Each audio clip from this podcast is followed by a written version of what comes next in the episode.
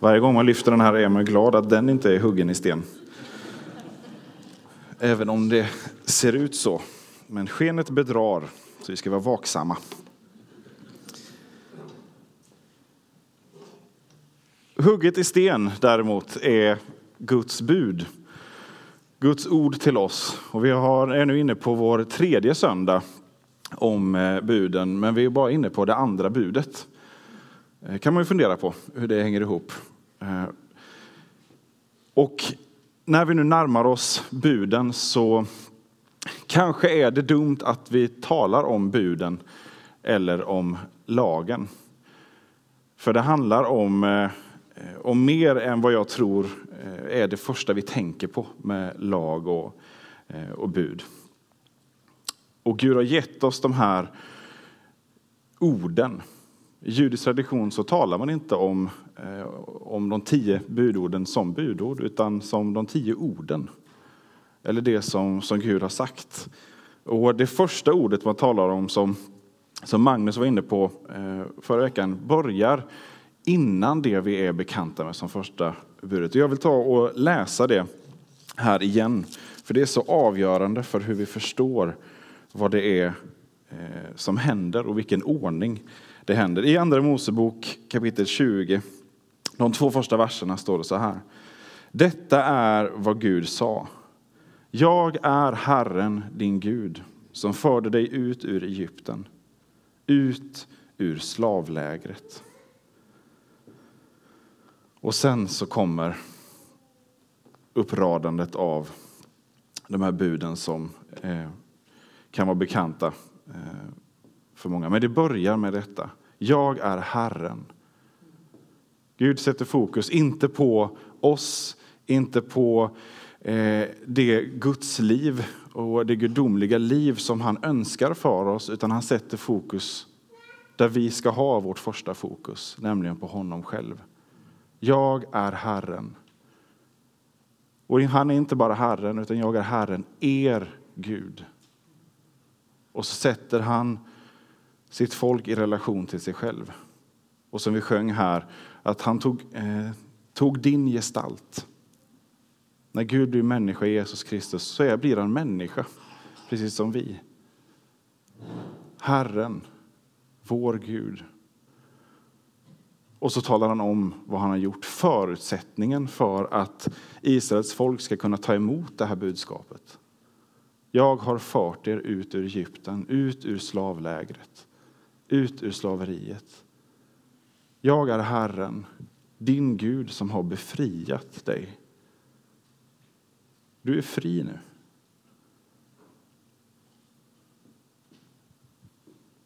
När vi ställer oss i relation till Gud själv, då är det förutsättningen. Vi får vara fria. Och det är kanske inte alltid vi tänker på det på det sättet just när vi talar om bud och regler och, eh, och sådär. Men det här är, det är liksom början på det som vi sen går igenom med budorden. Befrielsen. Befrielsen ut ur slaveriet. Och det är också eh, förutsättningen vi tar oss an eh, buden också i, eh, som kristna, en kristen tradition. Vi börjar i befrielsen. Buden finns där, skapar en, eh, ramarna för en, en god kultur, ett gott samhälle. Och de visar också obarmhärtigt och smärtsamt vår egen oförmåga och avslöjar vårt, vårt hjärta och vår egoism, lagens första och andra bruk.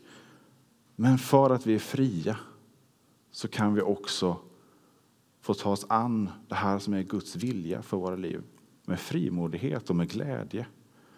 Och se hur det här eh, blir ett verktyg för att bevara oss och hålla oss nära, eh, nära Gud. Det här har vi eh, pratat nu om två, två gånger.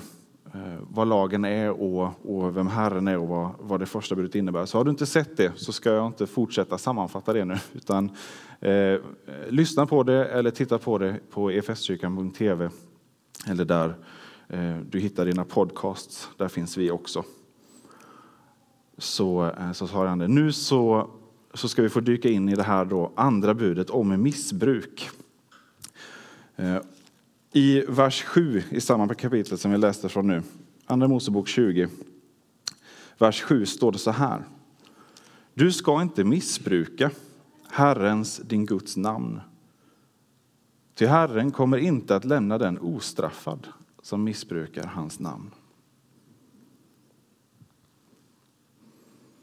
Du ska inte missbruka Herrens, din Guds namn. Hur, hur kan man missbruka någonting som är så gott och så fundamentalt som Guds namn? Ja, missbruk förutsätter att det också finns ett bruk. Finns det ett missbruk, ja, då finns det också ett bruk, alltså det sättet som det är tänkt att användas på. Jag tror att det är så med, med allt skapat. Det finns otroligt mycket gott. Vi har mat, goda drycker, kärlek och sex, spel, träning, arbete. Allt är möjligt att missbruka, även ifall det i grunden är någonting väldigt gott. Till och med droger är i grunden någonting gott. Jag är inte för någon drogliberalisering, det är inte det jag står och säger. Men tänk på det, vad har vi? Jo, men läkemedel. Där har vi ett rätt bruk också av de här starka substanserna. Läkemedel rätt prövade och rätt utskrivna så finns det också ett gott bruk även för det. Det finns otroligt mycket gott, men vi är så otroligt bra på att missbruka det. Eh, och det är där vi börjar där. Vad händer? Det första som händer när människan skapas. Vi missbrukar vår frihet. Gud sätter människan i trädgården och säger ät av allt. Här har ni allt ni behöver. Men ät inte av det här trädet. Och ganska så direkt så missbrukar människan sin frihet och förtroendet som han har fått från Gud. Här visar sig synden i oss, att vi, vi tar någonting som är gott och så använder vi det för eh, våra egna syften, för ett annat syfte än vad det är avsett. Och så visar det sig att det då blir destruktivt för mig och för min omgivning. Och ganska så ofta också svårt att bryta och ta sig ur. Och till slut så ser vi kanske inte ens det goda som fanns i det för att det har blivit så snedvridet för oss. Men tillbaka till Guds namn då. Vad innebär det i så fall att missbruka Guds namn? Enkelt förklarat på konfaundervisningar och sådär så har man kanske fått höra, ja men du ska inte svära. Eh, någon som har hört den, eh, fått det tillsagt på sig på konfalägret. Kanske man har haft en svordomsburk. Man får lägga någonting om man råkar svära. Det är så att säga lagens första bruk. Det är att försöka styra upp ordningen på lägret, några yttre former eh, och sådär. Jag minns när min bästa vän under min uppväxt, Torbjörn, eh, han var som en bror, är som en bror för mig. Han är ett år äldre, så när han hade gått på några konfasamlingar så eh, när vi hänger en dag och jag säger någonting och på förekommande anledning säger då Torbjörn, måste du svära så mycket? Ska du säga? är min första tanke. Och sen slår det mig, men han har ju faktiskt inte svurit så mycket på ett tag nu. Och så hade hans språkbruk förändrats under en tid. Eh, och eh, han hörde då direkt, det hos mig. Och den självklara, men måste du svära så mycket? Han upptäckte någonting i det. Och gjorde två, eh, två lärdomar där. Dels hur svårt det är att förändra någonting som man är van vid. Bara en språkovana, så djupt den kan sätta sig. Och det andra, för att min gode vän Torbjörn sa det, så blev det någonstans viktigt för mig att förändra. Hade någon annan sagt det, någon lärare eller något sånt där, så struntar man i det. Men så ska man inte göra. Men eh, låt oss vara ärliga. idag. Men när, när vi står i relation till någon, när någon betyder någonting för oss, då finns också möjligheten att få, Eh, få hjälpa varandra till insikt och få hjälpa varandra att komma ett steg längre. Eh, för mig var det Torbjörn där och då som kunde skapa insikten och också viljan eh, till förändring. Förmågan till förändring den kom inte där och då. Den kom först i mötet med han som har den absolut viktigaste relationen och motivet till mig att faktiskt också vilja förändring, nämligen Gud själv. Det var inte förrän jag själv sen fick eh, komma till tro och fick se hur Jesus började förändra mitt hjärta som jag också fick eh, kraften till att förändra eh, många områden i mitt liv. Som jag till det yttre kunde försöka och kämpa för att förändra tidigare. Men som jag då fick upptäcka gång på gång hur jag saknade förmåga att förändra det jag ville förändra och som jag inte trivdes med hos mig själv. Men när jag fick möta befrielsen i mötet med Jesus, då blev det helt andra förutsättningar. När skulden och skammen var borta, då fanns också möjligheten att få, eh, också få, få förändra mitt liv och få bryta med med ovanor, med destruktiva beteenden.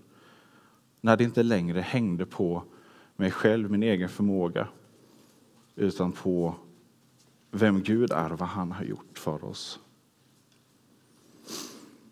Och när det kommer till Guds namn och svordom, jag tror faktiskt inte att det handlar om svordomarna. Det är liksom ett, en yttre form.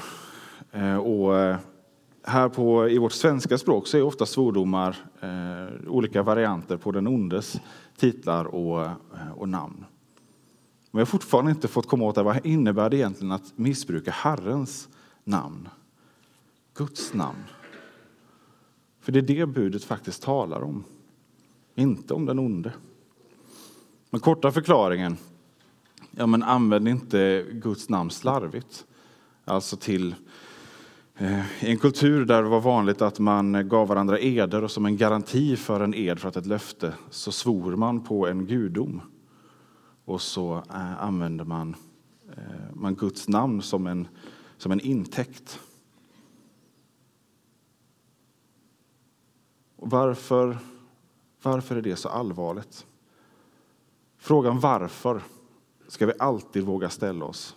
När vi jobbar med läser bibelordet så eh, jag ställde en varför-fråga en gång till en präst som svarade det bara är så, sluta fråga. Eh, visst, min attityd kanske inte var, som ni hörde innan, min attityd till lärare var inte så eh, bra alltid kanske. Men det, eh, det är fel svar. Vi ska alltid våga fråga varför och få, eh, våga dyka på djupet.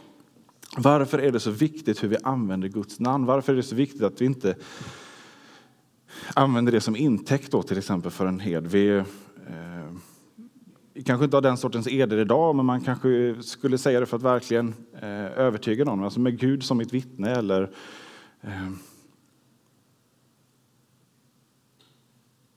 Då blir Gud bara en, en formel eller ett, ett verktyg för våra egna syften. Då är vi precis i det här vad missbruket handlar om. Vi reducerar någonting som är gott, någonting som är större. Och så använder vi det för, eh, för våra egna syften. Inte bara om vi skulle eh, uttala eder med, med Gud, utan överhuvudtaget. Vårt tal om Gud, speglar det vem han är?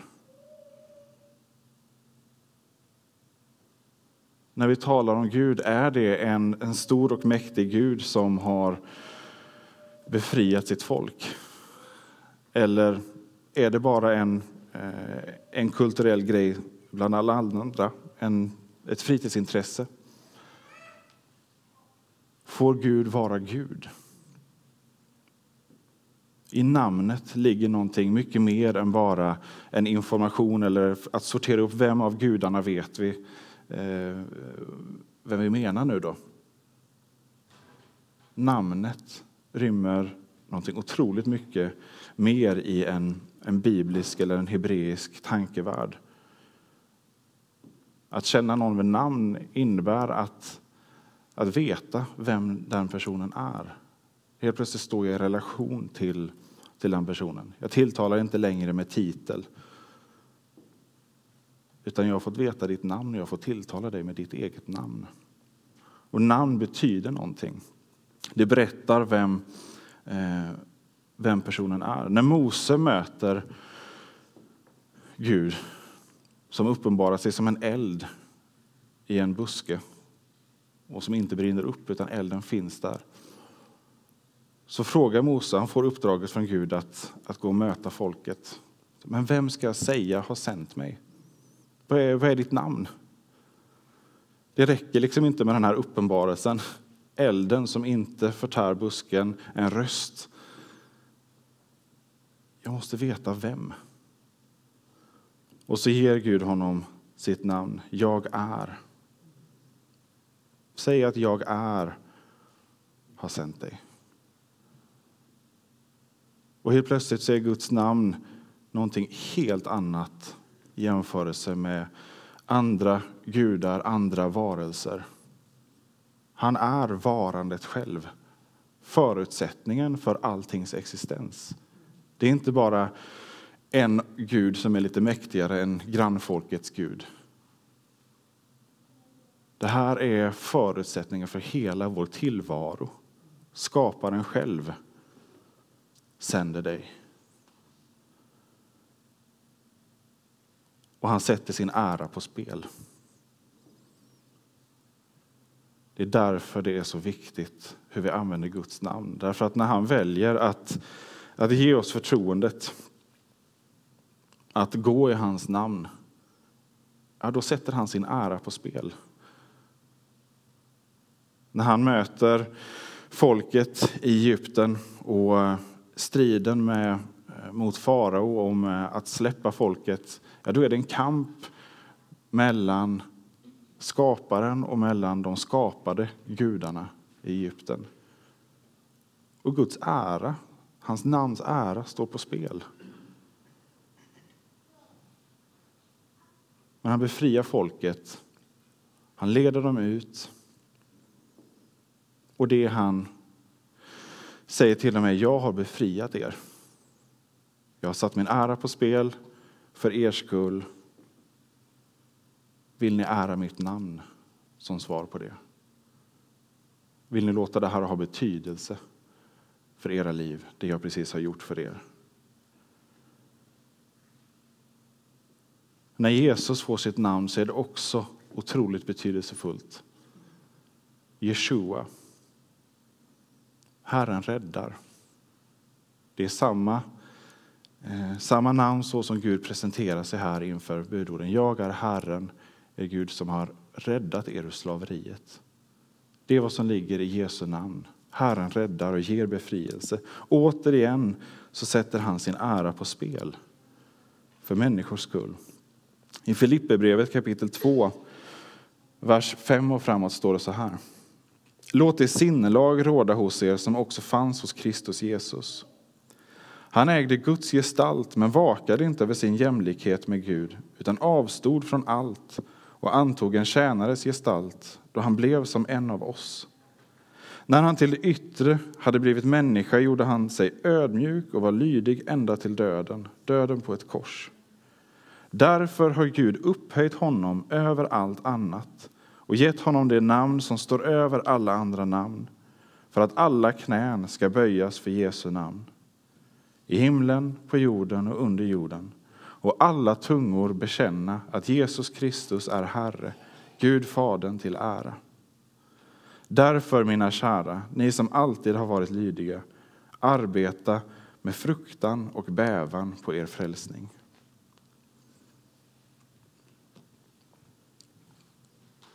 Återigen sätter Gud sin, sin ära på spel.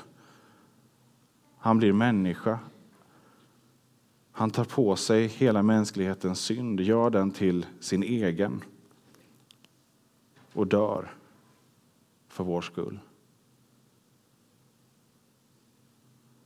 återuppstår och skulle kunna erövra världen med makt. Men det gör han inte. Utan det är en inbjudan, en uppmaning. Jag har gjort det här för er nu. Kom och följ mig. Och ära mig med era liv. Låt mitt namn få ära. I det namnet så finns räddningen. I det namnet så måste ondskan ge vika. I kraft av det namnet så kan vi be och lita på att Gud hör. I kraft av det namnet kan vi be för andra människor och få se Guds ingripande. I kraft av Jesu namn. Är det för att det finns någon magi i stavelsen Jesus? Han hette ju inte ens Jesus, han hette Jeshua. Nej, alltså hänger det inte på bokstäverna. För vi har sett mängder med bönesvar i Jesu namn och i Jeshuas namn och olika översättningar av det. Det finns en kraft i det namnet därför att namnet ger uttryck för vem det är. Vad han har gjort, vad han gör. Det är vad som ligger i namnet. Det är inte en magisk formel. Hanterar vi det som en magisk formel, som vi kanske gör ibland, då missbrukar vi Herrens namn. I Apostlärningarna kan vi läsa om några som, som hör att lärjungarna botar sjuka i Jesu namn, så de börjar också försöka, för det här namnet verkar ju fungera.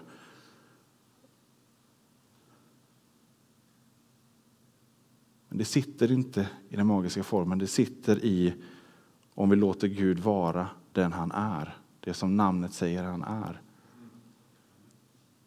låter vi Gud vara Gud. Därför hänger det här budet så nära samman med det första budet som Magnus predikade över förra veckan. Låter vi Gud vara Gud? Ja, det syns också i hur vi använder Guds namn. Är det lättvindigt och är det någon form av magisk tro eller är det med en insikt om att han är den han säger att han är? Och att när vi, vi ber så ska vi absolut få göra det frimodigt och i glädje. Men också i djup respekt för Guds väsen. För vem han är, vad han har gjort, för vad han gör. Att vi inte tar lätt på Guds namn. Inte använder det istället för svordomar. Eller att vi inte använder det för våra egna syften eller för utöva eh, andligt maktmissbruk. Det är också att missbruka Herrens namn. Men att rätt bruka Herrens namn är att låta honom få vara Gud, att jag hela tiden sätts i rätt förhållande till Gud. För jag har, trots att jag är rättfärdig, också det att jag är syndare. Och synden i mig, den gamla människan, vill hela tiden förminska Gud och upphöja mig själv. Att vi reducerar Gud till en tradition eller till, till ett kraftuttryck eller till en magisk formel. Och så använder jag det för, för egna syften eller så som, eh, som jag tycker.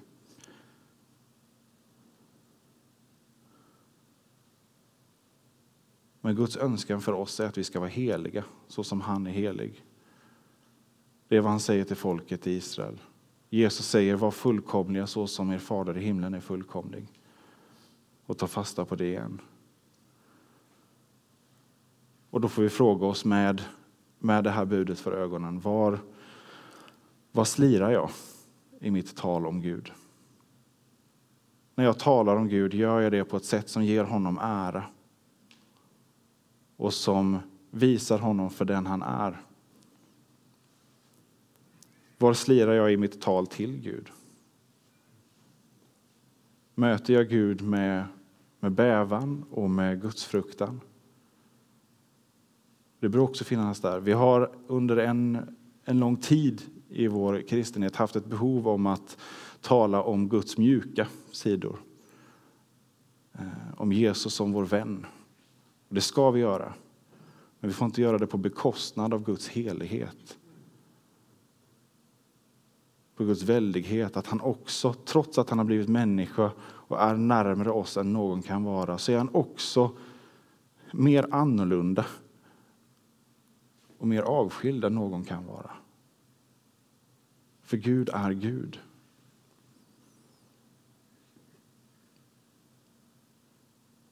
Så vad säger mitt tal om, om Gud, mitt tal till Gud?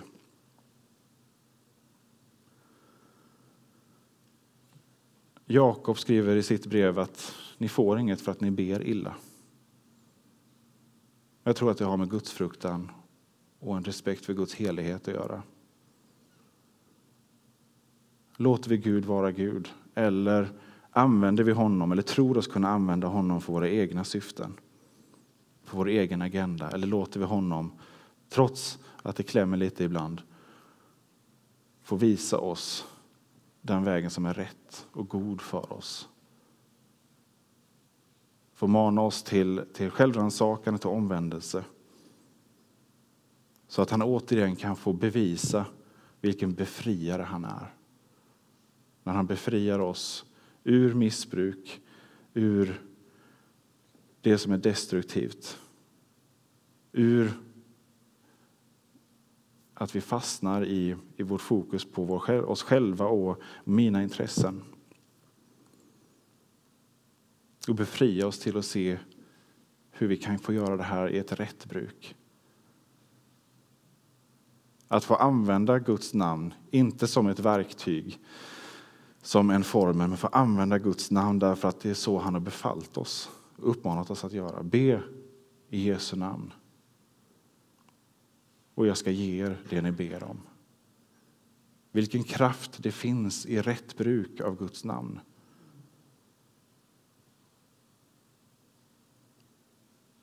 Att få tala om Gud på rätt sätt och på ett lätt sätt. Men också få tala tydligt om Jesus så att det sätter fingret på saker där det inte blir ett allmänt luddigt religiöst andligt tal utan det också får komma till, till pudens kärna. När vi talar om Jesus, när vi talar om tron med människor runt omkring oss. Blir Gud synlig eller försöker vi slipa av kanterna? Låter vi Gud vara Gud? Om vi vågar det, om vi vågar släppa taget om våra egna föreställningar, våra egna avgudar och istället låter Gud vara Gud, så finns det inga gränser för vad, vad hans namn kan få göra i våra egna liv, men också i de människors liv som vi möter. Att få tala ut Guds namn, Guds hopp, Guds välsignelse över någon annan. Och där vi ser att bönen i Jesu namn inte är någonting vi tar till i brist på annat, utan det som det finns all anledning att ta till före allt annat. Att först lämna utrymme åt Gud att verka och se vad det ger för frukt.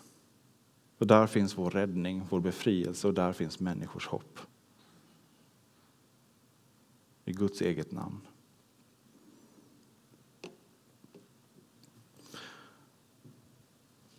Vi ska få möjlighet att få, eh, få överlämna eh, oss själva och eh, allt vi bär på till Gud själv. Vi ska få be om förlåtelse och vi ska få ta emot löftet om förlåtelse. Sen ska vi få fira nattvard tillsammans, ta emot Jesus själv, hans kropp och hans blod.